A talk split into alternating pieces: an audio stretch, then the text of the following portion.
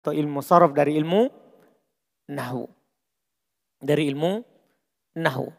Karena ilmu nahu itu tidak akan sempurna kalau tidak ada sorofnya. Sebagaimana sorof tidak akan sempurna kalau tidak mempelajari ilmu nahu. Karena keduanya saling membutuhkan. Ilmu nahu sebagaimana antum ketahui dia mempelajari harokat akhir dari setiap kata. Ketika tersusun. Sementara ilmu sorof mempelajari harokat dari setiap kosakata sebelum dia tersusun. Sebelum dia tersusun. Oleh karena itu, di antara para ulama kita, ketika mereka menyusun tahap dalam mempelajari ilmu bahasa Arab, pertama mereka katakan ilmu aswat, suara dari setiap huruf. Tapi kita tidak pelajari karena ada dalam ilmu tajwid. Nanti antum akan pelajari di pelajarannya Ustadz Mudakir. Itu ilmu aswat dulu, suara setiap huruf. Setelah itu ilmu sorof. Itu mempelajari kosakata bahasa Arab.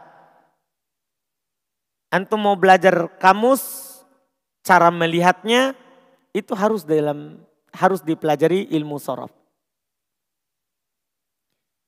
Setelah itu tahap ketiga baru masuk ilmu nahu, cara menyusunnya. Cara menyusunnya. Iya. Ini dalam belajar ilmu bahasa. Jadi dia lebih dahulu dipelajari dibandingkan dengan ilmu nahu. Karena kita tidak bisa menyusun kalau tidak punya kosa kata. Kita tidak bisa menyusun kata kalau tidak punya kosa kata. Kosa katanya itu dibahas dalam ilmu sorof. Dibahas dalam ilmu sorof. Dan koedah nahwu berbeda dengan koedah sorof. Sorof itu satu kali belajar ilmu tasrif. Satu kali dipelajari. Sementara ilmu nahwu itu banyak kitabnya. Karena berbeda tempatnya, berbeda bacaannya. Kalau ilmu sorof enggak di mana pun posisinya bacaannya tetap seperti itu. Di mana pun posisinya letaknya dalam kalimat bahasa Arab maka bacaannya tetap seperti itu. Kalau nahwu berubah posisinya, berubah bacaannya. Oleh karena itu lebih mudah belajar sorob dibandingkan dengan nahwu secara susunannya. Hanya saja koedah dalam sorop lebih banyak daripada nahwu. Sehingga kadang kita akhirkan daripada nahwu soropnya. Karena koedah nahwu sedikit. Karena hanya mengurus akhir kata. Sementara sorop banyak. Kalau katanya cuma ada tiga, berarti kita urus dua. Karena nahwu yang terakhir. Kalau katanya ada Empat huruf berarti yang kita urus tiga huruf. Nahwu yang terakhir, huruf keempat. Kalau katanya lima huruf berarti kita urus kata katanya berapa hurufnya?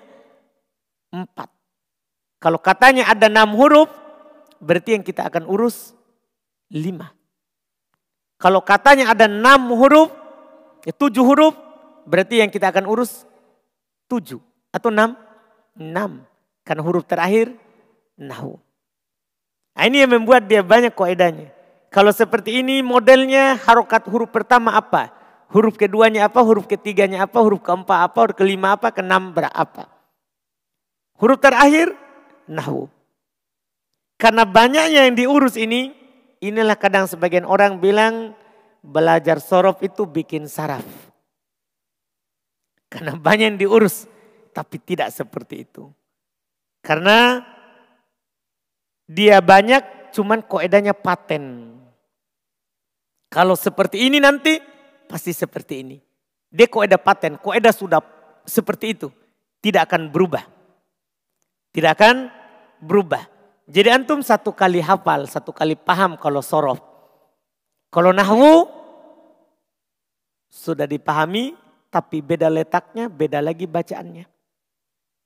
beda lagi bacaannya. Makanya sepanjang program di rumah bahasa Arab ini yang paling panjang programnya dari awal antum masuk sampai antum keluar itu nahwu ada. Adapun sorof tidak. Adapun sorof tidak. Misalnya setelah buku ini sorof kita istirahat dulu. Kita pakai untuk pelajaran lain. Kita pakai untuk pelajaran lain. Sementara nahwu tidak tergantikan. Sampai akhir program. Dalam mempelajari sorof ini, kita belajari tadi buku Al-Miftah Ilmu Sorfi, bagian kedua dalam buku ini, buku kunci ilmu nahwu dan sorof. Antum buka bagian keduanya. Iya. Karena isinya buku ini ada dua. Bagian pertama itu kunci ilmu nahwu, bagian kedua kunci ilmu sorof. Yang kita akan pelajari adalah bagian keduanya. Langsung buka di tengahnya.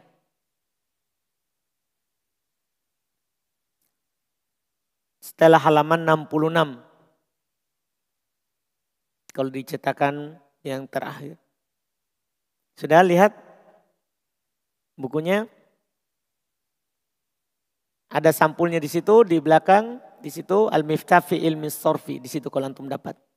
Kunci dalam ilmu sorof. Kunci dalam ilmu sorof.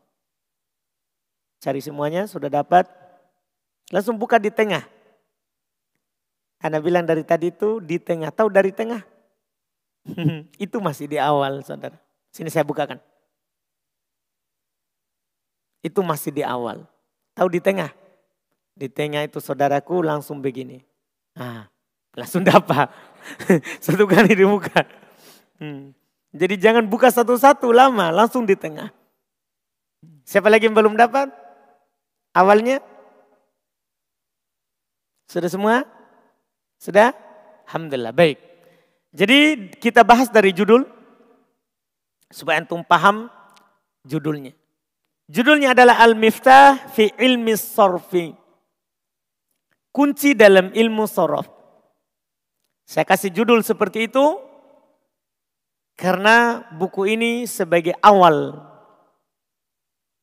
dalam mempelajari ilmu sorof atau dikatakan oleh ulama bahasa Arab sebagai al-madkhal, tempat masuk.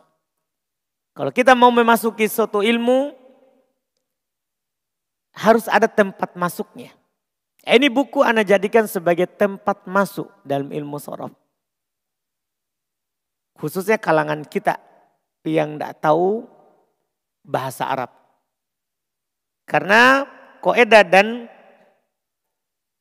teori yang akan diberikan dalam kunci ilmu sorof ini, dia menggunakan bahasa kita, bahasa Indonesia.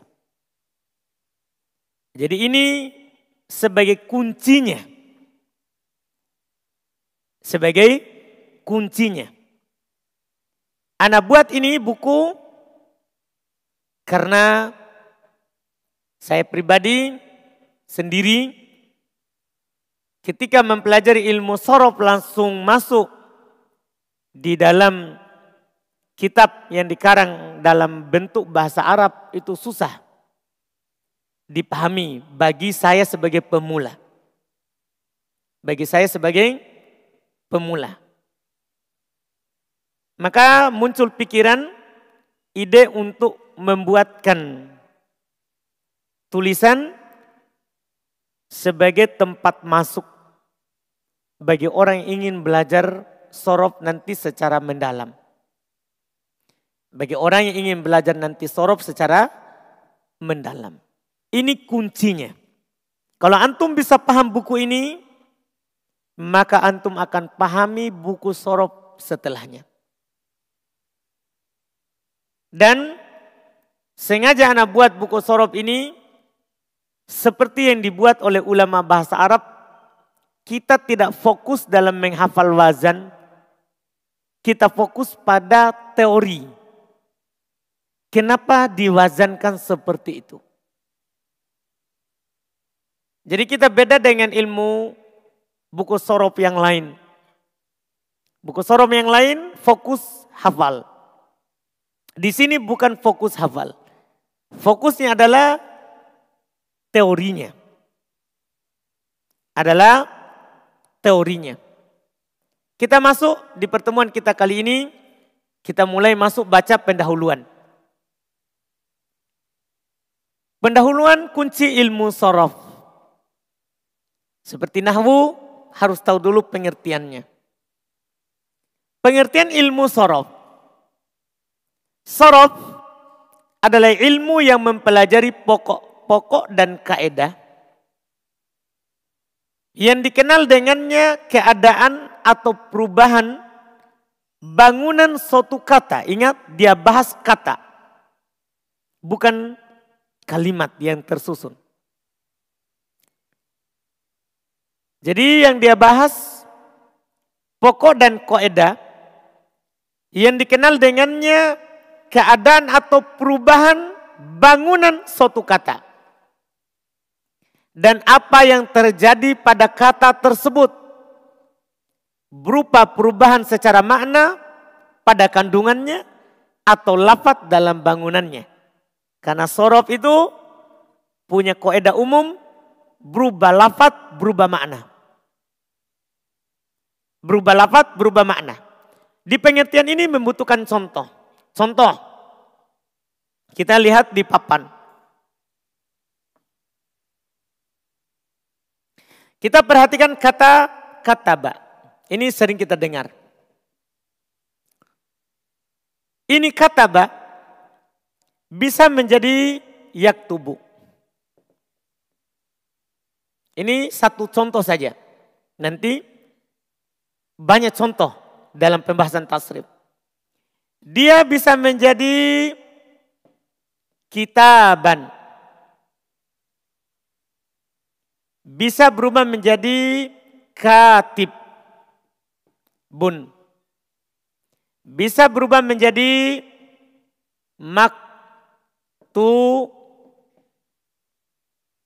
bun. Bisa menjadi uktub. Padahal ini ini asalnya. Bisa menjadi maktabun bisa menjadi miktabun bisa menjadi kutiba bisa menjadi yuktabu ini bentuk perubahan yang terjadi nanti di dalam suatu kata. Ini namanya perubahan secara garis besar. Nanti masing-masing dari perubahan ini ada lagi perubahannya yang kita akan pelajari.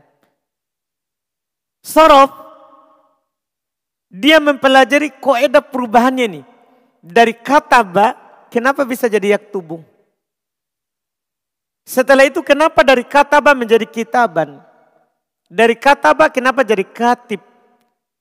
Dari kata ba kenapa menjadi maktub? Dari kataba kenapa jadi uktub? Dari kataba kenapa jadi maktab? Dari kataba menjadi miktab? Dari kataba menjadi kutiba? Dari kataba menjadi yuktabu. Sorof mempelajari itu koedah perubahannya. Secara lafat. Jadi lafat dalam perubahan ini akan dipelajari dalam sorof. Belajar sorof membuat orang tenang. Kenapa? Kalau antum belajar percakapan, antum akan hafal semua ini kata. Tapi kalau antum belajar sorof, antum hanya hafal artinya ini. Karena setelah kata ba itu pecahannya. Itu pecahannya. Sorof mempelajari perubahan lafat. Dan akan berpasangan dengan perubahan makna. Karena koedanya berubah lafat berubah makna. Contoh makna dasar. Ini kata ba artinya menulis. Ini arti dasar namanya ada di kamus. Kalau antum buka kamus yang tertulis di kamus yang ini. Tidak ada di kamus katib. Tidak ada kamus maktub. Tidak ada uktub. Tidak ada maktab. Tidak ada miktab. Tidak ada kutibat. Tidak ada. Tidak ada di kamus. Yang tertulis di kamus hanya ini. Sehingga kalau orang percakapan, dia kira ini semua ini kosakata yang berbeda. Ini hanya pecahannya. Ini artinya menulis. Menulis. Berubah menjadi yaktub. Tetap artinya menulis. Cuman tambah kata sedang. Kenapa ada kata sedangnya? Karena ada perubahan huruf. Ada tambahan. Jadi sedang menulis. Iya, sedang menulis. Kemudian ada kata kitaban. Ini asal perbuatannya. Ini terjemahannya penulisan. Kalau sana tadi menulis, sedang menulis, penulisan. Tahu kan? Katibun. Kalau kata menubah menjadi katib tetap artinya menulis. Tapi ada tambahan orang yang menulis. Maktubun tetap katanya ada kata dasarnya menulis. Tapi ada tambahan yang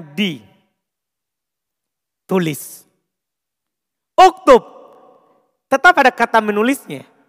Ada kata tulisnya, perbuatannya. Tapi di sini perintahnya, tulislah. Ini kata kerja perintahnya, tulislah. Maktabun, tetap ada kata menulis. Tapi ini nanti akan antum tahu terjemahannya beda. Ini diterjemahkan tempat menulis. Miktabun, berubah harokat mimnya. Ini ma berarti tempat. Menulis. Miktab, berubah menjadi kasroh ini menjadi alat untuk menulis. Kutiba, ini tadi menulis, ini di. Tulis. Dari yak tubuh, ini yu menjadi sedang di. Jadi bukan hanya sedang menulis, tapi sedang ditulis. Jadi berubah lafat, berubah arti. Ini gambaran dasar saja dulu. Jangan antum pusingkan Kapan diartikan begitu? Kita akan pelajari. Kalau begini bentuknya, begini artinya. Kita akan pelajari satu-satu. Ini hanya sekedar gambaran dasar. Sorof itu mempelajari apa? Jadi dia akan pelajari koedah dasar dalam perubahan kata bahasa Arab. Secara lafat dan secara makna. Teorinya tetap Nanti ada kata yang berbeda. Ini kata ba. Antum nanti akan dapat kata yang beda dengan kata ba. Misalnya kotala. Kalau bentuknya diubah ke bentuk-bentuk ini, artinya tetap diambil seperti itu. Misalnya kotala membunuh. Kalau jadi yaktulu sedang membunuh. Kotlan pembunuhan. Kotilun orang yang membunuh. Maktulun yang orang yang dibunuh. Uktul bunuhlah. Maktalun tempat membunuh. Miktalun alat membunuh. Jadi artinya itu tetap sama. Dengan kaidah perubahan yang ada. Kaidah perubahan yang ada. Ah, itu yang kita akan pelajari. Kapan antum ubah ke situ? Kapan saya bilang begini? Kapan saya bilang kotala? Kapan saya bilang yaktulu? Kapan saya akan bilang katib? Kan kadang kalau orang bercakap, kadang ucapannya lebih panjang daripada orang yang kenal teori. Iya. Misalnya orang bercakap, kadang dia bilang, ya, katap tu anak. Saya menulis, tapi panjang. Bisa sebenarnya, ya, saya penulis kan bisa saya bilang anak katib. Anak katib, saya penulis. Saya penulis. Kalau saya yang menulis, saya yang ditulis, itu semuanya di sini dipakai. Jadi antum nanti akan menggunakan kata bahasa Arab sesuai dengan kaidah sorobnya. Sehingga untuk memahami ucapan Arab itu cepat. Dan mengungkapkannya juga sesuai. Ini contoh satu kata. Contoh satu kata. Sorob mempelajari perubahannya itu secara lafad dan secara apa? Makna. Itulah ilmu sorob. Itulah ilmu sorof. Bisa dipahami ilmu sorof? Saya ulangi ilmu sorof. Ini ilmu sangat penting sekali. Membuat antum berbahagia terkait dengan menghafal kosakata. Kadang orang akan bilang apakah perlu saya hafal kosakata semuanya? Tergantung. Kalau dalam artian semuanya maksud begini, semuanya jangan, itu tidak diperlukan. Kalau dalam artian antum hafal kata dasarnya, misalnya katib kan ada kata dasarnya. Kata ba. Antum dapat kata maktub, ada kata dasarnya. Kata ba. Kalau yang dimaksudkan menghafal kosa kata dasarnya, iya. Tapi kalau menghafal semua pecahannya, itu tidak diperlukan. Karena dalam sorof, antum akan dikasih tahu. Kalau berubah seperti ini, akan begini artinya. Ini fungsi dari belajar sorof. Faedahnya. Faedah mempelajari ilmu sorof. Pertama, menjaga lisan dari kesalahan dalam kosakata. Ingat dalam kosakata, bukan dalam menyusun. Kalau itu urusannya nahwu. Ketika antum belajar sorof, otomatis lisannya antum akan dijaga dari kesalahan dalam kosakata. Dalam mengucapkan sebuah kata bahasa Arab. Sebuah kata dalam bahasa Arab. Itu fungsi yang pertama. Fungsi yang kedua, meringankan lapat-lapat yang sulit agar mudah diucapkan. Ini fungsi besarnya dari sorop ini. Nanti antum akan dapat faedah ya. Ini tidak didapatkan dalam ilmu lain. Dalam ilmu yang lain.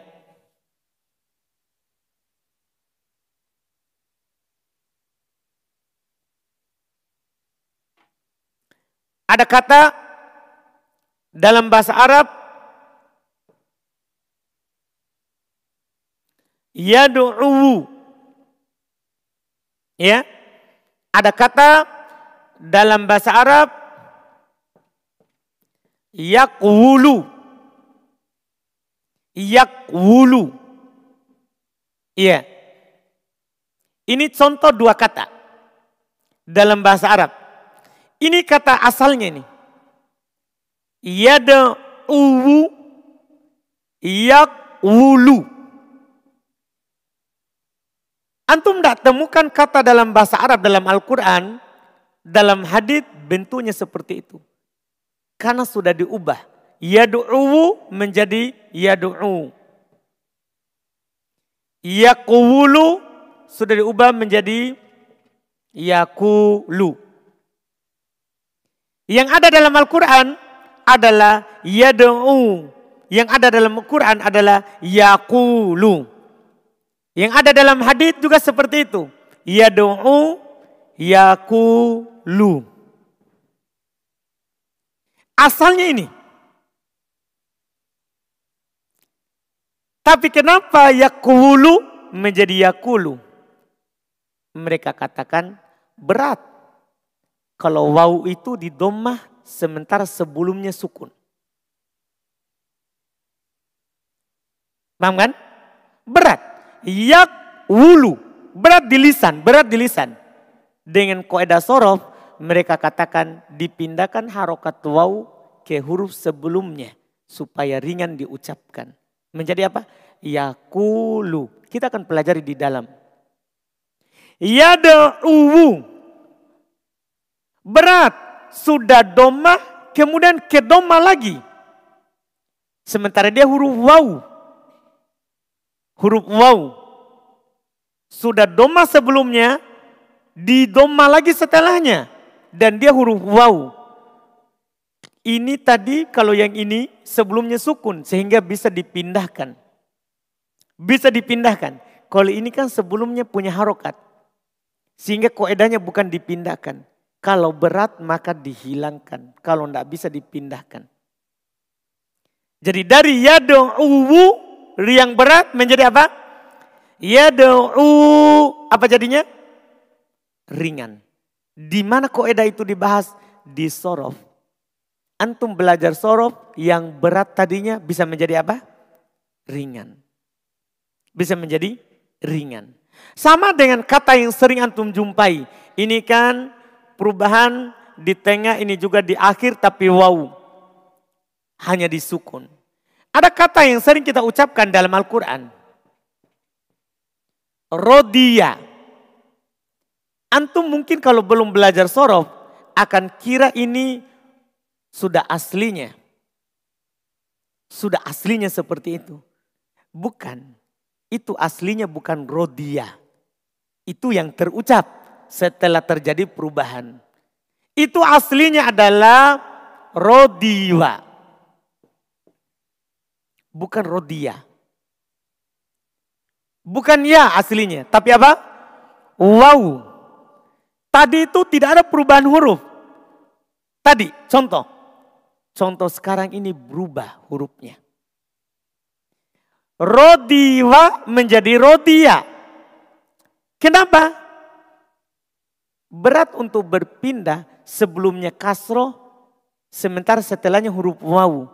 Kasro itu cocoknya dengan ya. Karena harokat itu sudah ada pasangannya.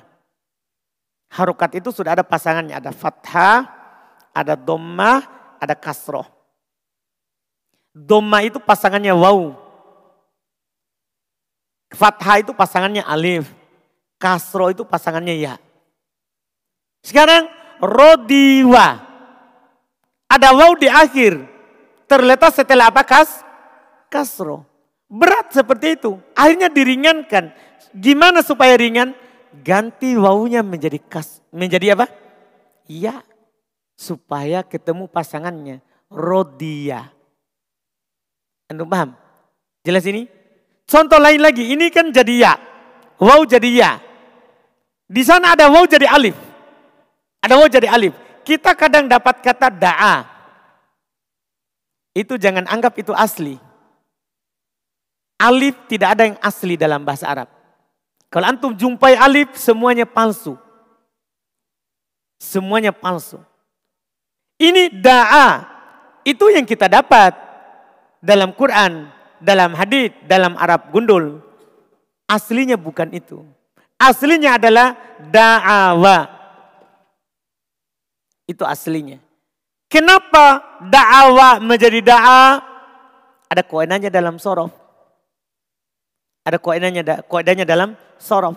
Nanti ada koedanya kalau ada wau berharokat apakah fathah, kasro ataupun nanti doma yang penting berharokat sebelumnya ada fathah, itu syaratnya. Nanti ada kaidah yang kita akan pelajari. Ada waw berharokat, terserah wawnya di fathah, doma, kasro. Yang penting sebelumnya ada fathah, maka otomatis jadi alif. Itu pasti diubah alif. Makanya da'awa menjadi apa? Da'a. Ringan diucapkan. Di mana koedanya itu? Di sorof di sorof. Kalau kita tidak belajar sorof, tidak tahu ini rodiwa, rodia aslinya rodiwa, da'a aslinya da'awa, yadu'u aslinya yadu'u, yakulu, yakulu asalnya yakulu. Kita tidak tahu itu aslinya kalau antum tidak pernah belajar sorof.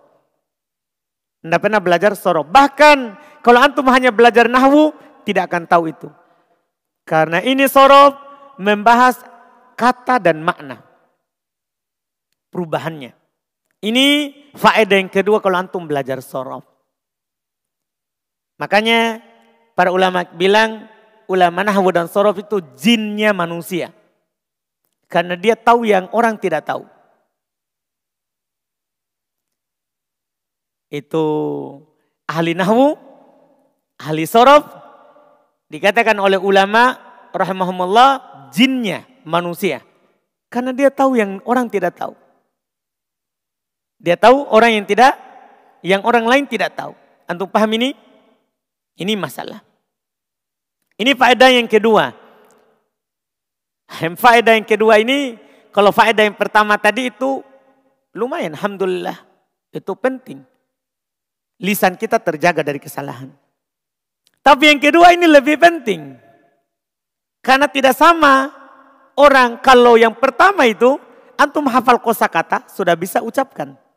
Tapi yang kedua ini bukan hanya sekadar antum hafal itu kata, tapi antum tahu perubahannya. Antum tahu asalnya. Antum tahu asalnya. Ini faedah yang kedua. Faedah yang ketiga. Menjaga bahasa Arab dan memperkayanya dengan adanya pecahan-pecahan yang sangat banyak. Antum sudah lihat tadi? Kata ba bisa menjadi banyak. Belum lagi doroba, belum lagi kotala, belum lagi jalasa, belum lagi koroja. Setiap kata dalam bahasa Arab bisa dipecah ke banyak. Ah, antum dengan mempelajari ilmu sorof, maka antum memperkaya bahasa Arab. Antum berucap tidak kaku, tidak hanya satu kata dalam satu bentuk. Tapi antum akan ucapkan dalam banyak uslub. Dalam banyak bentuk. Iya. Dengan adanya pecahan-pecahan yang banyak. Tentunya juga yang anak tidak sebutkan di sini.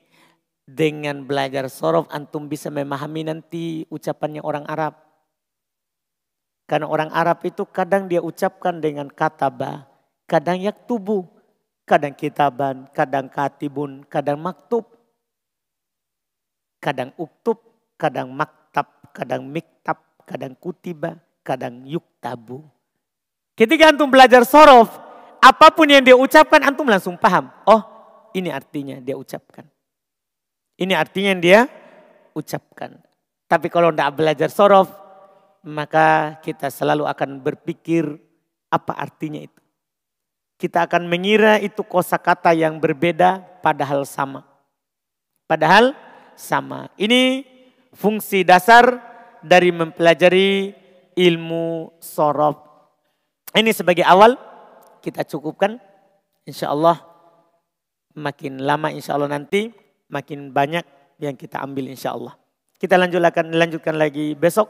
Ini hanya sekedar gambaran dasar dari ilmu sorof. Dari ilmu sorof. Insya Allah ta'ala kita akan lanjutkan lagi besok. Kita akan lanjut lagi besok.